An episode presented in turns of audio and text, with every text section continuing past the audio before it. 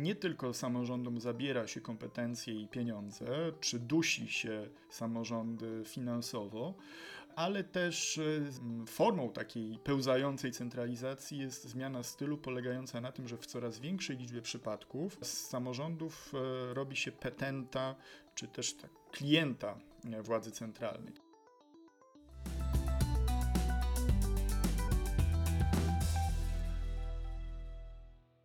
Coś się dzieje ciekawego wokół samorządu, dzieje się też czasami e, coś przerażającego i w sumie nie wiemy, w którym kierunku to pójdzie. Czy rząd, który proponuje raczej centralizację, ma jakieś sensowne argumenty, czy e, politycy samorządowi e, mają rację, mówiąc o tym, że rząd zachowuje się niekoniecznie sensownie i łamie reguły gry. Mamy kilka ciekawych raportów i dzisiaj chciałbym porozmawiać z współautorem jednego z nich, a dokładnie z raportem Fundacji Batorego, to jest Polska Samorządna, silna demokracja, skuteczne państwo i to już od razu nas kieruje na pewien, pewien tok myślenia o tym, e, co ten samorząd może nam dać. I oczywiście nasz, moim gościem, też Państwa gościem jest e, dr Dawid Sześciło z Instytutu Nauk Prawno-Administracyjnych Uniwersytetu Warszawskiego. Dzień dobry. Dzień dobry. Chciałbym zacząć od nietypowego pytania. Czy często ma Pan poczucie tak jakby utraty sensu tej swojej pracy, jeśli chodzi o przekonywanie polityków różnych mm. opcji, że e, są istotne argumenty merytoryczne przemawiające za tą koncepcją samorządu albo za inną? Czy w tej sytuacji, w której trochę jesteśmy, nie ma Pan poczucia, że to wszystko jest bez sensu? Jeżeli takie uczucie przychodzi, to zawsze przypominam sobie e, historię polskiego samorządu, odrodzenia polskiego samorządu w III RP. Um, dlaczego to było możliwe?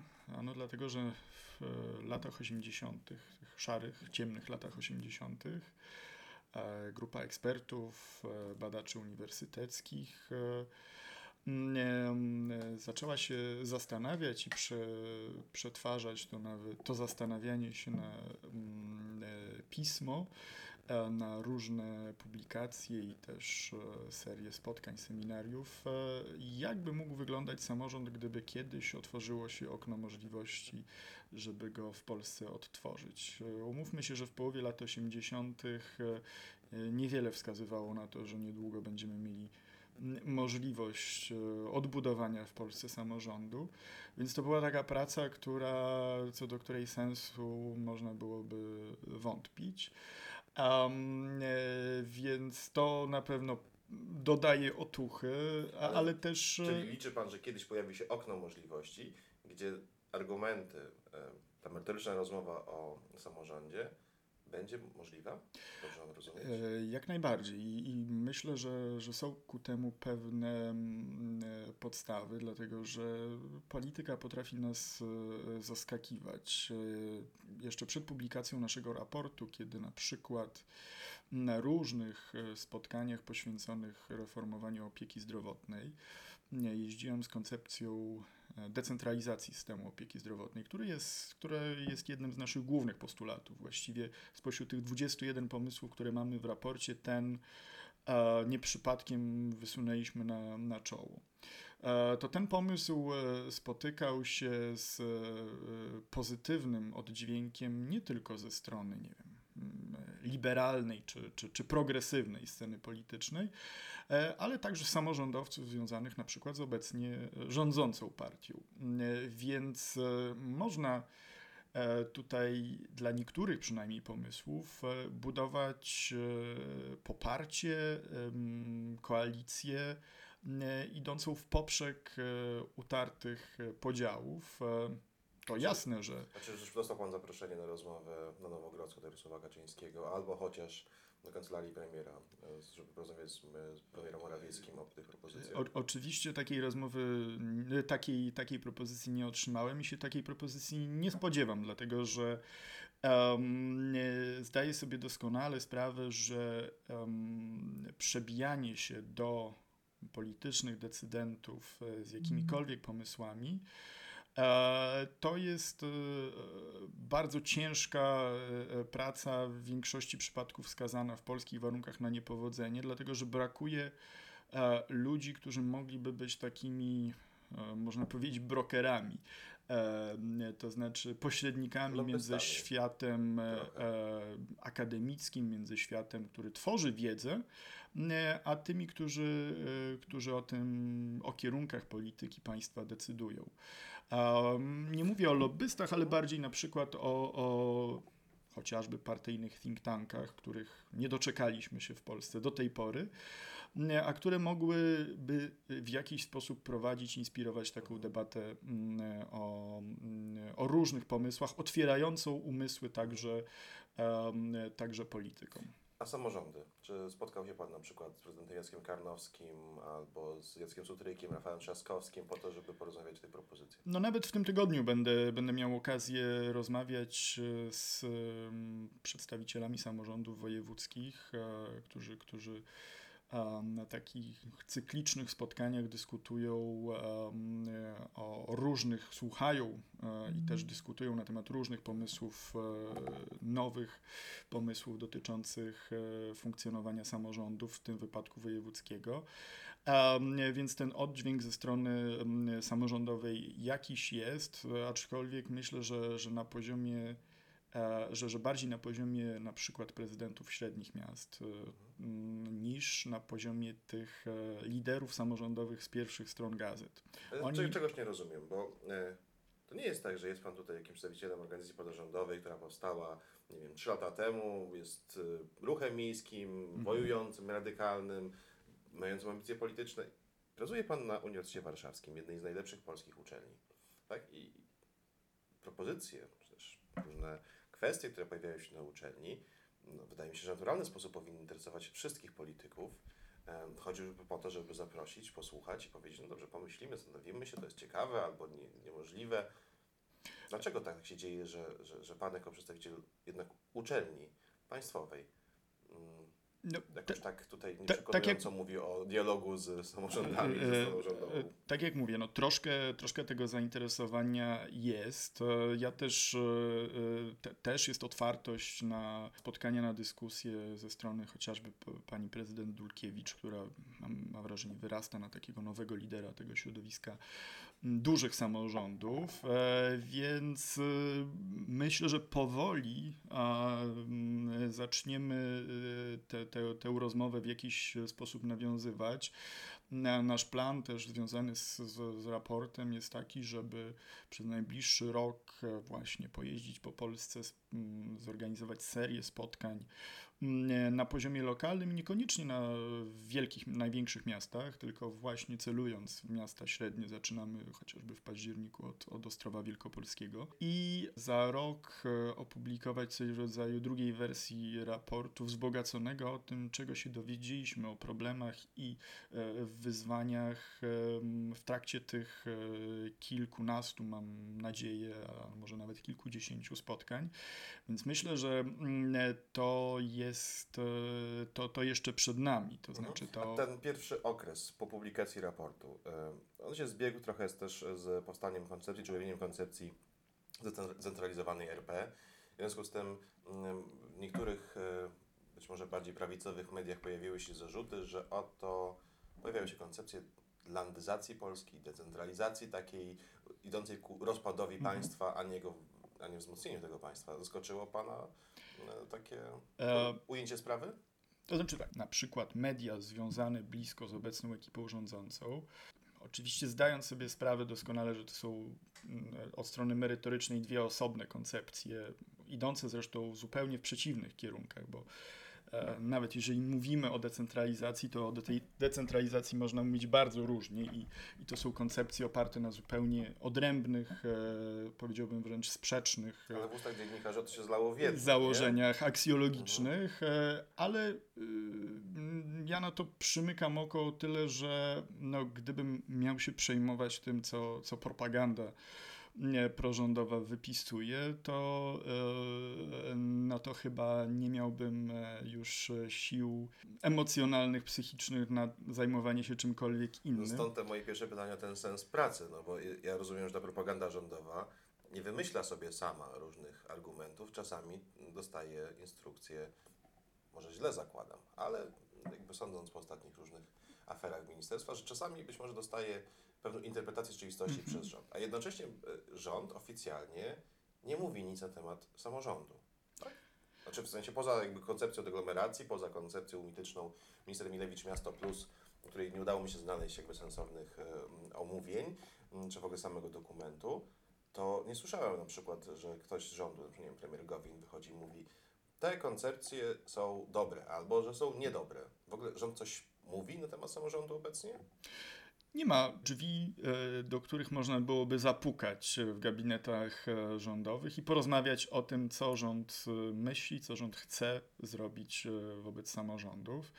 A jest oczywiście i w dalszym ciągu funkcjonuje komisja wspólna rządu i samorządu, i, i z punktu widzenia formalnego to Ministerstwo Spraw Wewnętrznych i Administracji jest tym miejscem, które miałoby ewentualnie kształtować politykę rządu wobec samorządu, ale doskonale wiemy, że że mm, to nie tam zapadają na, najważniejsze decyzje w, dotyczące samorządów. Jest raczej taka ogólna tendencja w ciągu ostatnich czterech lat e, takiej, ja bym powiedział, sektorowej centralizacji. To znaczy kolejni ministrowie dostają przyzwolenie na to, żeby e, ze swojej, w swojej domenie, w swoim obszarze coś samorządom odebrać. Um, więc e, nie ma, ale nie ma jednej strategii, nie ma jednego adresu, w którym, pod którym można byłoby się udać, żeby porozmawiać, co e, rząd planuje względem samorządu. Czyli zgodziłby się Pan z tezą, może nie, że postępuje taka pełzająca centralizacja państwa? No tak, tak, zresztą taką tezę sformułowaliśmy już prawie półtora roku temu w takim krótkim raporcie Recydywa centralizmu wydanym przez Fundację Batorego, gdzie podsumowaliśmy zmiany legislacyjne, które dokonały się w ciągu tej kadencji.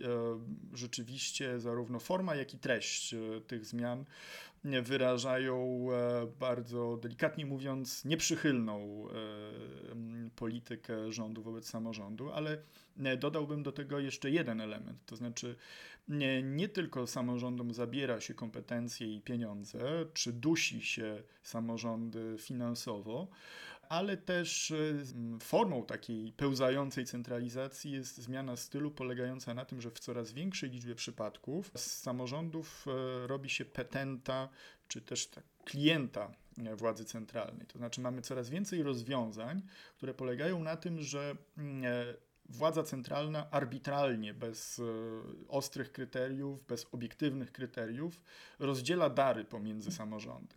Mamy Fundusz Dróg Samorządowych, mamy wojewódzkie fundusze ochrony środowiska, które zostały przejęte przez administrację rządową właśnie po to, żeby to administracja rządowa mogła samorządom, gminom, powiatom rozdzielać różne dotacje, czyli dary.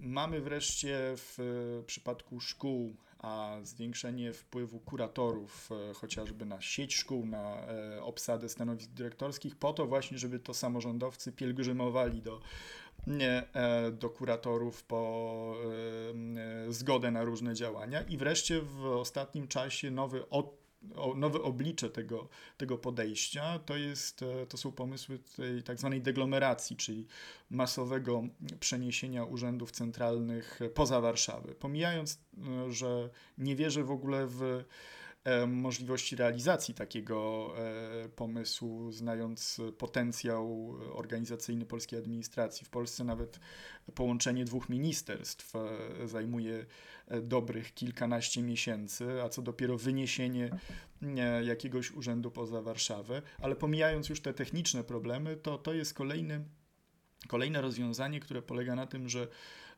że władza centralna, do, do, do władzy centralnej będą pielgrzymowali samorządowcy, prosząc o to, żeby dany urząd trafił akurat do nich, bo przecież nie będzie tu żadnych obiektywnych kryteriów, żadnego otwartego konkursu, tylko arbitralne decyzje Ale polityczne. To nie jest nowe zjawisko w, w polskiej polityce, że pielgrzymowania do decydentów po to, żeby dostać, czy też jakby uzyskać większą uwagę ze jego strony i dzięki temu przesądzić decyzje na swoją korzyść. Przecież to trwa od zawsze w Polsce. Tak było oczywiście zawsze, ale mm, zmiana jest zmianą e, ilościową, która się przekłada również na, na, na, na, zmianę jakościową. To znaczy mamy tych a, przypadków, kiedy ym, administracja centralna będzie albo już teraz y, rozdziela po uważaniu różne e, dary, mamy coraz więcej. Więc to jest moim w, mo- w mojej ocenie taki też pomysł, kolejny pomysł obecnej ekipy na pełzającą centralizację. Ale może to jest y,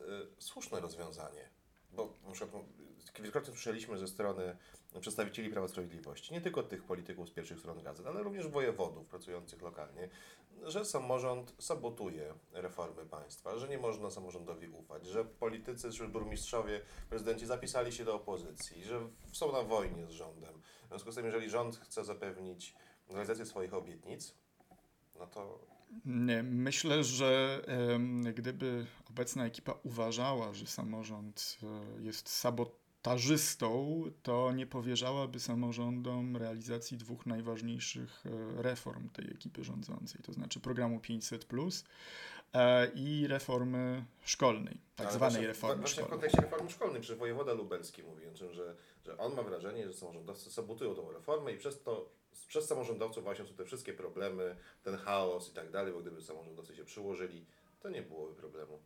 No, myślę, że rząd e, podjął decyzję o tej e, reformie świadomie, poszedł w tę, w tę reformę, bo wiedział, że samorządy po prostu to zrobią. Zacisną zęby. E, e, oczywiście będą się wściekać na, na rząd, ale w ostateczności to zrobią. Dlaczego? Dlatego, że mm, e, wkurzonych rodziców e, nie będzie obchodziło to, kto podjął głupie decyzje o reformie, ale ze swoimi skargami, ze swoim, swoją wściekłością, żalem zwrócą się w pierwszej kolejności do tego, kto jest najbliżej, a najbliżej będzie ten wójt, burmistrz, prezydent miasta, więc e, samorządowcy no, tutaj wrzucili piąty bieg i e, robią wszystko, co mogą, żeby e, tę reformę zrealizować, oczywiście zdając sobie sprawę, że nie miała ona e, e, Tak, uzasadnienia ale i mówi Pan sensu. też jakby o innych rzeczach, które rząd e, gotuje samorządom. Zmiana warunków opodatkowania w trakcie roku podatkowego, to, to co wymusza zmiany w, w budżetach dosyć drastyczne. Em, Te wszystkie kwestie związane z opłatą przekształceniową z OFE i transferem tych środków z powrotem do systemu państwowego, e, to już okazuje się, że mm, to jest nie podatek, którym trzeba było się podzielić z samorządem, ale opłata, która w całości idzie do skarbu e, państwa i nie trafia do samorządu. I wsz- takie zagrywki typu e, wojewodowie coraz częściej skarżający decyzje samorządów, e, widzimy w wskaźnikach, że ta liczba zaskarżeń rośnie. Czy to sprawia, że Jacek Karnowski, z którym rozmawiałem niedawno, mówiący o tym, że rząd gra nie fair, że rząd obrał sobie tutaj samorząd jako kolejnego wroga, on ma rację? Myślę, że w dużej mierze tak, to znaczy trwa takie testowanie granic e, wytrzymałości samorządów. E, Rząd zdaje sobie sprawę na przykład z tego, że samorządy są w generalnie du- dobrej sytuacji finansowej poza samorządami największych miast. E, Te samorządy największych miast są z kolei, z kolei rządzone w 100% przez jeżeli nie opozycję, to przynajmniej osoby, które nie są mm, związane z obecnym obozem władzy. E, więc te wszystkie zmiany, jak sobie prześledzimy, zmiany podatkowe mm, szczególnie uderzą w pierwszej kolejności e, w duże miasta.